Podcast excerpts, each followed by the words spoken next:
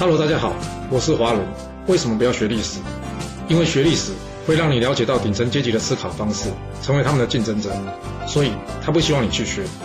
还有学历史会让你看到许多前人成功及失败的案例，你的竞争对手想要好好的睡个觉，所以他也不希望你去学。最重要的是，学历史会让你了解人性，你的老板以及同事都希望你保持天真的心，所以他们更不希望你去学。就是因为这些原因，接下来我要跟你说的是故事，而不是历史。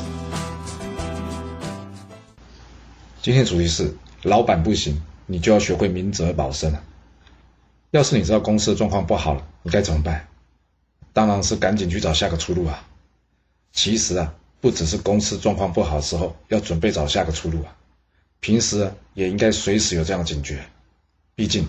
让自己保有选择的机会是非常重要的。所以留得青山在，不怕没柴烧嘛。拿一个春秋时期故事来说吧，这楚庄王在邲之战呢，一战击溃这晋国啊，最后称霸中原。但这在邲之战当中呢，楚军也不是处处得力的。这怎么说呢？因为当时呢，这晋军的元帅呢是个优柔寡断的人，而这晋军上军主将士会呢，在跟他讨论事情没有结果之后啊，他知道。这晋军战败的风险啊，已经大幅提升了。为了避免这晋军最后全军覆没，所以士会呢预先回去做了一些安排。果不其然，楚军突然间杀到，而这晋军元帅完全没准备，最后啊晋军被楚军啊杀得尸横遍野啊。正当这楚军呢想要全面出击歼灭晋军时，这时啊已经预先做好准备的士会啊，利用多次的伏兵出击。让楚军无法辨识啊，到底前来援助的晋军呢还有多少人？最后楚军只好怎么样暂缓攻击，等到战况相对较明确的时候呢，再决定是不是要继续向前，或者是会合所有的楚军呢再做攻击。而就这个短暂的时间呢，让士会有机会呢率领军队从容撤退，最后保留住晋军的实力。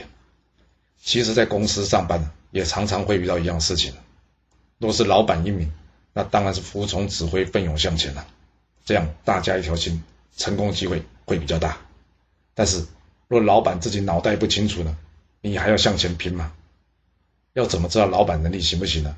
其实啊，你可以从老板对于现况的判断，是不是政策朝令夕改，又或是他一直在处理昨天的问题，而不是预先规划明天可能遭遇的困难这几个点来了解，他是不是有能力应对目前的状况。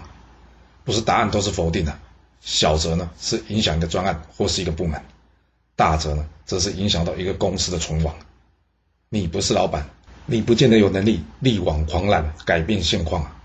你所能做的呢，应该是像世会一样，保留自己的实力啊，预先为迎接最差的状况来做准备。或许有人会觉得这样做不是对公司不忠心吗？嗯，这是个好问题。若是有机会。当然要坚持到底啊！若是对方就是听不进去呢，或是你对改变这局面的确无能为力呢？这时候减少灾难所带来的冲击，会不会才是你真正要考虑的第一要务呢？老板对公司的成败负责，那你呢？你要对的是自己及你的家人负责，你说是吧？若你有其他的想法，也欢迎留言分享你的看法给大家哦。好啦，我们今天先说到这。如果你就是不听我的劝，想知道完整版的故事内容，你可以从说明栏找到我爱故事频道的连结。不过记住哦，你是来听故事的，而不是来学历史的。要是您喜欢这个频道，麻烦您动动您的手指，追踪、留言，或是给我五星评价的支持以及分享。谢谢您来收听，我们下次再见。